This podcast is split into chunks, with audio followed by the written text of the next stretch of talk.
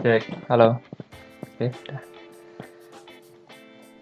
Oke, selamat datang di sebuah podcast filsafat. Ini edisi Edisi suram. edisi April berarti. Oke, jadi eh, ya belum usai, kayaknya udah usai sih ya. Usai ya, usai pandemi gitu ya. Sekarang mulai ada perang. Benar udah lewat sudah lama. Biasalah kita podcast yang eh, trennya udah ya? tren nggak trennya udah lewat baru mulai bahas gitu. Ya udah lah ya. Nggak apa-apa lah. terbelakang. oke. Iya, suram ya ya masa-masa ini.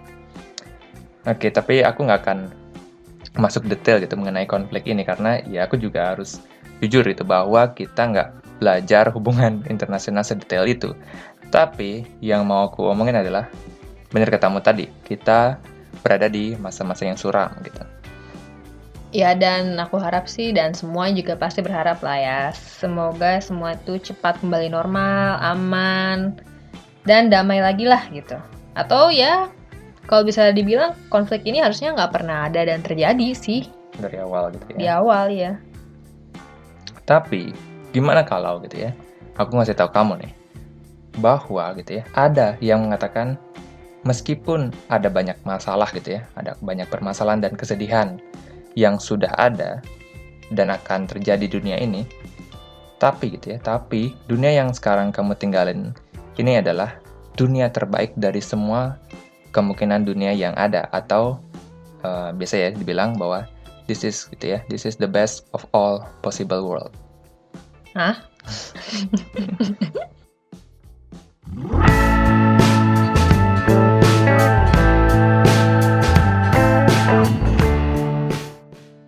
Jadi tadi kamu bilang pandemi ini, terus perang, dan segala krisis dan konflik yang ada itu adalah hal terbaik yang mungkin terjadi di dunia. Ya, tentu bukan aku yang punya pemikiran ini ya. Ini adalah hal yang diucapkan oleh polymath gitu ya, asal Jerman bernama Gottfried Wilhelm Leibniz gitu ya. Ya BTW buat yang nggak tahu polymath itu orang yang punya banyak expertise gitu. Jadi dia itu matematisian iya juga, filosofer, saintis, bahkan juga seorang diplomat. Kayak Leonardo da Vinci lah, pengetahuannya luas dan banyak bidang ilmu yang dia kuasai. Oke nih, tapi kenapa dia bilang kalau dunia yang kita tinggal ini adalah dunia terbaik yang mungkin ada? Sebenarnya dia mencetuskan ide ini karena dia ingin menjawab, ya. Jadi respon dia terhadap persoalan kejahatan atau biasa dikenal dengan the problem of evil. Singkatnya, the problem of evil mempertanyakan kenapa Tuhan yang maha baik, maha kuasa dan maha tahu membiarkan adanya kejahatan di dunia ini. Tentu banyak filsuf yang merespon permasalahan ini dan sebenarnya ini bisa jadi satu episode sendiri gitu ya ngebahas tentang problem of evil ini eh, bisa panjang gitu tapi mungkin lain kali atau nggak tahu juga sih ini ini bahaya nggak sih sebenarnya? Karena kita kan eh, itu kan mempertanyakan Tuhan gitu ya. Tapi ya udahlah ya kita lanjut aja. Intinya persoalannya yaitu tadi mempertanyakan kejahatan di dunia yang diciptakan oleh Tuhan yang maha baik gitu. Leibniz memberi tanggapannya mengenai permasalahan ini mengenai the problem of evil ini. Jadi dia memformulasikan sebuah argumen gitu ya untuk mematahkan uh, the problem of evil ini. Argumennya terdiri dari lima statement gitu. Jadi yang pertama gitu dia bilang Tuhan mempunyai ide yang tak terbatas akan semesta. Jadi banyak gitu ide-ide mengenai semesta yang mungkin ada. Nomor dua gitu sekarang hanya satu semesta yang benar-benar bisa ada. Terus nomor tiga dia bilang Tuhan memiliki alasan untuk memilih satu semesta daripada semesta yang lain gitu ya. Jadi dari banyak pilihan, Tuhan memiliki alasan tertentu kenapa milih satu uh, semesta ini. Terus yang nomor empat, bahwa Tuhan itu baik. Jadi God is good gitu kan. Nah, maka dari itu kesimpulannya, statement nomor lima, kesimpulannya adalah semesta yang Tuhan pilih untuk ada gitu ya, untuk eksis adalah yang terbaik dari segala kemungkinan yang ada. Gimana tuh? Ribet banget, sumpah ribet ya. Oke, jadi intinya ini ya, karena Tuhan itu baik, maka dari segala kemungkinan yang ada, pasti Tuhan memilih untuk menciptakan semesta yang terbaik. Ya, meskipun terdapat kekurangan dari dunia ini dan kejahatan serta kesedihan ya, tapi inilah yang terbaik gitu. Ya, begitu menurut Leibniz. Mungkin ya, dunia yang hanya berisi kesenangan bukanlah yang terbaik e, menurut Tuhan bagi manusia gitu. Ya, mungkin ya menurut Leibniz kita cuma perlu percaya bahwa inilah semesta yang terbaik. Ya, dan apalah pikiran manusia untuk memikirkan mana yang terbaik bagi dirinya sendiri. Oke nih. Jadi ya cukup menarik juga sih. Dia sangat positif ya orangnya dalam melihat dunia nih. Sangat mengadopsi optimisme ya. Nah, dalam filsafat, pandangan yang seperti ini disebut sebagai optimisme. Apa bedanya sama kata optimis biasa? Optimis kan melihat suatu hal dengan positif. Sikap pasti ya pasti bisa nih. Ya gitulah. Ya maksudnya kalau ngomongin optimisme dalam konteks filsafat gitu ya berarti kita lagi ngomongin gitu ya. Jadi kamu lagi ngebahas filsafat ngomongin optimisme, jadi ya bukan hal yang kamu sebut tadi, tapi ngomongin tentang dunia yang kita tinggalin ini adalah yang terbaik dari segala kemungkinan yang ada. Dan maka dari itu, hidup itu pantas untuk diperjuangkan dan dijalani. Jadi ini yang kamu mau bahas nih, optimisme dari Leibniz, atau menjadi optimis secara general tentang dunia. Iya, salah satunya itu kita akan bahas banyak hal di episode ini. Tapi, emang pertama-tama aku ingin mulai gitu ya, bahas dari optimisme. Jadi menurutmu gimana? Apakah kamu orangnya optimis atau gimana? Oh. Kenapa? Iya. Iya bisa dibilang aku cukup optimis sih ya dengan banyak hal di dunia ini. Ya maksudku bahkan The Great Marcus Aurelius aja menyarankan optimisme gitu. Orang yang sangat stoik, ya yang mana stoicisme itu menyarankan kita untuk expect hal-hal buruk terjadi hari ini, supaya kita nggak terlalu kecewa nih kalau beneran terjadi. Dia aja ada quotes-nya yang bilang, bersandarlah pada keindahan hidup, perhatikan bintang-bintang, dan lihat diri Anda berlari bersama mereka. Ya, ngapain melihat semua hal yang kita kerjain pasti gagal? Ya, bagusan ngelihatnya bisa berhasil nggak sih? Iya, ya memang secara personal ya, jadi orang yang optimis adalah hal yang bagus gitu ya. Tapi dari hasil-hasil artikel artikel ilmiah yang kubaca yang ngebandingin tentang orang yang optimis dengan orang yang pesimis, hasilnya ya tidak sehitam putih gitu ya. Ya kalau dalam konteks penyembuhan mungkin kalau kamu lagi sakit misalnya orang yang optimis itu recovery-nya lebih cepat ya, lebih bagus. Tapi kalau orang pesimis itu mereka tuh jagonya atau lebih bagus dalam uh, memanage anxiety gitu ya. Mungkin karena mereka tidak punya apa ya, harapan yang tinggi akan sesuatu. Menarik sih ya. Jadi nggak apa ya, nggak gitu jelas yang mana lebih bagus daripada kedua pandangan itu. Mungkin ya, mungkin karena ia menjadi optimis maupun pesimis tidak merubah apa-apa karena realitas yang ada di dunia. Ya nggak sih? Oh iya, ya karena pada akhirnya itu cuma sudut pandang dalam melihat dunia aja. Cuman masalah lensa yang kita pakai aja dalam melihat suatu peristiwa atau hal yang terjadi gitu. Yang satu lensanya bening nih, yang bikin kamu berapi-api, semangat nih, ayo gas gitu kan. Yang satu lagi agak burem, jadinya kamu kayak, aduh, slow nih, yeah. lampu lampu oranye, lampu kuning, hati-hati gitu. Kayak contoh klasiknya ngelihat gelas yang setengah volumenya diisi air mau setengah penuh atau setengah kosong, ya nggak bisa ngerubah fakta bahwa hanya setengah volume dari gelas itu yang terisi air. Iya kan, jadi optimis dan pesimis melihat dunia yang sama, hanya gitu ya dari lensa yang berbeda. Jadi seharusnya tidak ada yang terlalu merasa lebih keren lah ya. Tapi gitu ya, tapi ada yang sangat menentang pandangan optimisme yang melihat dunia ini sebagai dunia yang terbaik Kenapa tuh? Nah, kenapa tuh? kenapa tuh? Ya, akan aku jelasin. Tapi kita mulai dari perkenalan orangnya dulu nih. Dia adalah, mesti baca ini? François. François Marie Arouet. Atau yang lebih dikenal dengan Voltaire. Itu nama penanya ya. Dia sangat tidak suka dengan pemikirannya Leibniz.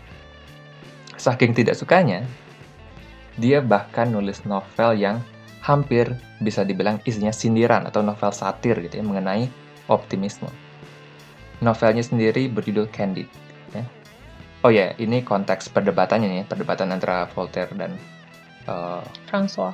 Nggak, Oh, bukan. namanya dia itu. Oh, itu Voltaire, namanya dia. Voltaire dan eh, Leibniz itu di era abad pencerahan gitu ya, Enlightenment. Jadi sekitar abad ya ke-17 dan 18-an ya.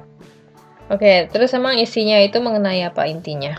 Ini agak panjang nih. Eh, main karakternya bernama Candide ya. Jadi sesuai dengan nama buku, judul bukunya tadi. Candide adalah keponakan dari seorang baron. Baron itu ya bagian terendah gitu ya, dari anggota kerajaan gitu. Dia hidup di wilayah kekuasaan pamannya. Dia memiliki seorang guru yang bernama Pangloss. Dia itu orang yang sangat percaya akan pemikiran Leibniz gitu, bahwa kita tinggal di dunia yang terbaik dari segala kemungkinan yang ada. The best of all possible world. Karena Candide merupakan muridnya, dia pun memiliki pemikiran yang sama akan dunia ini. Oke, kita apa fast forward aja. Nah, suatu hari dia kepergok gitu ya, ciuman sama anak Baron ini dan diusirlah eh, Candide keluar dari kerajaan. Tidak, tapi tidak masalah karena gurunya Pangloss mengatakan apa pun yang terjadi merupakan yang terbaik. Nah, mulailah perjalanannya Candide ke dunia luar. Di sana dia mengalami banyak kejadian yang menyakitkan, itu dipukul, kabur dari perang hingga dia sampai ke Belanda. Jauh banget. Di Belanda, dia menjumpai seorang gelandangan di jalan. Dan ternyata gelandangan yang kotor itu adalah gurunya sendiri, Pangloss. Candide pun bertanya kepada Pangloss, kenapa dia bisa menjadi seperti ini. Dia mengatakan, setelah Candide pergi gitu ya, kota itu dijarah oleh sekumpulan tentara perampok dan semua keluarga pamannya itu dibunuh. Tapi kamu tahu nggak apa yang dia bilang? Hmm, kayaknya sih all is well. Semua yang terjadi adalah hal yang terbaik yang mungkin terjadi. Iya, benar banget. Jadi bahkan dengan begitu banyak penderitaan yang dia alami, Pangloss tetap berpegang teguh pada prinsip optimismenya. Buset, dia ini banget ya. Tapi si Candide nih udah mulai ragu kan kayaknya tuh. Mungkin bisa dibilang seperti itu ya. Apalagi setelah mereka melanjutkan perjalanan, hampir seluruh isi novel Candide itu adalah tragedi disusul oleh tragedi lainnya gitu ya. Dia ke mana gitu ya, ada gempa bumi gitu ya, di Lisbon kalau nggak salah. Nah itu emang real event gitu ya. Gempa Lisbon, terus eh, ada bunuh-bunuhan, terus hampir dihukum gantung juga mereka. Dan selama perjalanan itu mereka juga memperdebatkan itu ya, tentang the best of all possible world dengan pesimisme dan lain-lain. Jadi mereka juga debat filsafat selama perjalanan itu. Mereka berdua tuh jalan. Nggak rame-rame. Ada lagi sebenarnya di sana tuh banyak tokohnya. Ada Pangloss, ntar ketemu Oh. ini, ketemu itu. Jadi bergrup lah mereka. komunal. Jadi yang dilakukan si Voltaire ini adalah menunjukkan ke para optimis bahwa dunia ini tuh bukanlah yang terbaik dan nggak semua yang terjadi itu ya happen for a reason, Ya, for karena, a certain reason gitu, karena alasan tertentu. Iya dan perlu kamu tahu bahwa Voltaire itu seorang deis gitu ya. Dan dan btw buat yang nggak tahu, deis itu adalah orang yang percaya bahwa Tuhanlah yang menciptakan dunia ini. Gitu. Namun para deis menolak wahyu gitu ya sebagai sumber pengetahuan ilahi gitu ya. Tugasnya adalah jadi tugas tugas Tuhan hanyalah menciptakan eh, dunia ini. Habis itu ya Tuhan tidak ikut campur akan apa yang terjadi di dunia ini. Dia hanya mencipta dan menonton kita, mungkin gitu ya bisa dibilang. Dan ya cara untuk memahami ketuhanan itu adalah dengan menggunakan penalaran dan observasi empiris, bukan dari wahyu seorang nabi gitu ya untuk seorang deis gitu. Dia pertanyaannya gitu. Terus apa hubungannya si Voltaire ini yang seorang deis dengan kritikannya terhadap optimisme? Nah, karena optimis menganggap dunia ini adalah dunia yang terbaik yang mungkin ada, meskipun itu adalah sebuah kebenaran gitu ya, bukan berarti semua hal yang terjadi itu for the best. Belum tentu. Voltaire mengajak kita untuk membayangkan ada sebuah kapal besar yang sangat sempurna, yang sedang menga- mengantarkan Raja Mesir ke suatu tempat. Meskipun itu adalah kapal yang terbaik, tetap saja di dek paling bawah ada tikus-tikus yang hidup di sana di tengah genangan air kotor dan terombang-ambing mengikuti kapal. Voltaire kemudian bertanya, apakah kenyamanan tikus-tikus itu ada di benak Raja Mesir? Apakah dia peduli? Gitu ya? Tidak menurut Voltaire.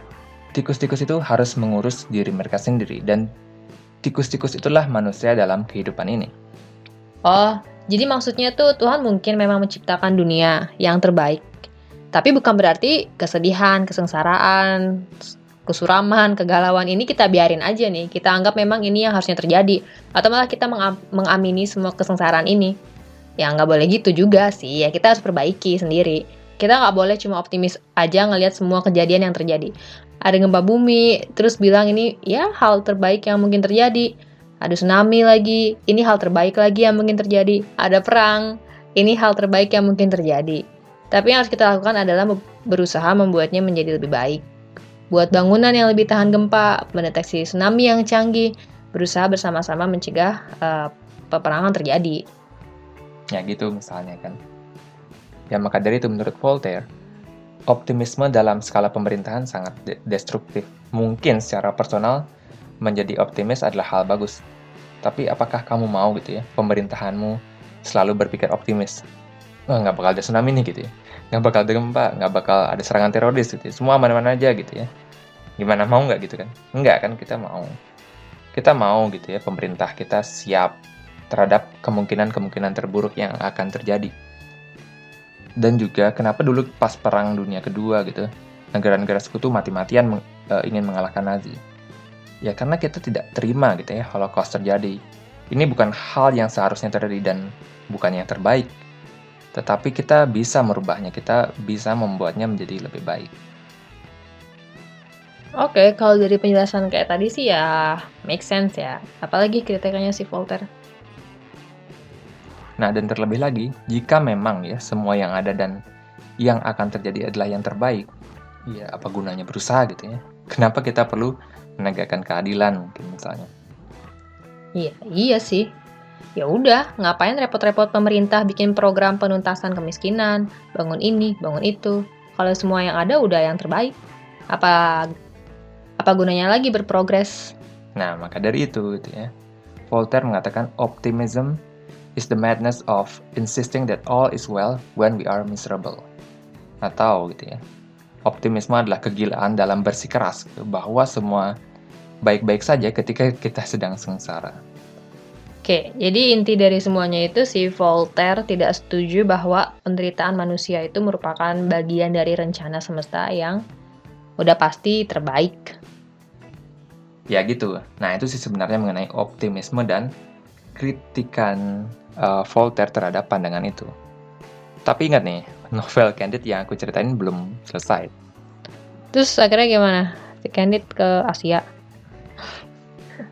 Nah, setelah mengalami berbagai macam kemalangan bencana alam, kelaparan gitu, disiksa dan hampir dapat hukuman gantung, sampailah perjalanan mereka nih, bukan Candidnya doang ya. Jadi uh, pengen Gloss terus ketemu teman-teman juga di jalan gitu ya. Jadi sampailah mereka di Turki. Ya. Mereka berada di sebuah perkebunan di pinggir kota Istanbul. Karena ini konteksnya pada saat kerajaan Ottoman gitu ya, berjaya, berarti lokasinya di Konstantinopel. Nah, suatu hari mereka mendengar kabar di pengadilan bahwa ada pembunuhan tiga tokoh penting. Hal itu membuat banyak orang gelisah dan ketakutan akan uh, situasi di kerajaan Ottoman. Termasuk Candid dan temannya. Mereka pasti khawatir nih, nasib sial apa lagi nih yang bakal mereka alami nih. Meskipun ya, si Pangloss akan tetap mengatakan bahwa semua yang terjadi itu ya terjadi karena sebuah alasan dan merupakan hal terbaik yang mungkin terjadi. Iyalah, uh, tapi ada sesuatu yang menarik terjadi di sana. Di tengah-tengah kepanikan, dia melihat seorang kakek-kakek gitu, ya, dengan tenang, santai, dan cueknya duduk di bawah pohon jeruk. Mereka pun bertanya kepada kakek itu, kenapa dia terlihat tenang-tenang saja walaupun kerajaan sedang mengalami permasalahan serius. Kakek itu pun heran. Dia tidak tahu menahu akan berita yang beredar tentang kematian tiga tokoh penting tersebut. Dan sepertinya dia juga nggak terlalu peduli ya. Terus nih kakek-kakek siapa? Iya, dan ternyata dia adalah seorang petani kecil di sana. Uh, terus kemudian Candid dan teman-temannya pun diajak ke rumah si kakek itu. Mereka disuguhi makanan dan berbagai macam buah-buahan. Di sana Candid terinspirasi oleh kakek tersebut, bagaimana ia bekerja keras setiap harinya dengan anak-anaknya, merawat kebunnya sendiri dan hidup sederhana, menghindari keburukan dan keserakahan dunia gitu. Bahwa gitu kan, kamu bisa bahagia dengan hal-hal sederhana seperti itu. Kamu nggak perlu terlalu pusing gitu, memusingkan hal yang terjadi di luar sana ya. Di luar sana itu kacau banget. Ya iya ya, masalah tuh ada aja tiap hari. Lihat aja tuh sosmed, ada aja konflik baru muncul. Satu hari tuh bisa ada kudeta, eh besoknya ada wabah, pandemi mematikan. Terus ada perang lagi. Sekarang Sekarang ya. Ya mungkin lebih baik kita fokus aja kepada yang penting bagi kita nih, what matters to us gitu kan. Yang membuat kita merasa memiliki tujuan di kehidupan yang fana ini guys. Oke ya, ya mirip-mirip stoicisme juga ya. Kita nggak bisa mengontrol musibah atau tragedi yang mungkin terjadi. Nah kalau di stoicisme mereka uh, mengajak kita fokus mengontrol respon, gitu ya, respon uh, kita terhadap hal tersebut. Tapi Voltaire menambahkan suatu hal baru, yakni kita fokus saja gitu ya, pada hal yang kita bisa lakukan saat ini. Novelnya diakhiri dengan Candide berkata gitu ya, We must cultivate our own garden.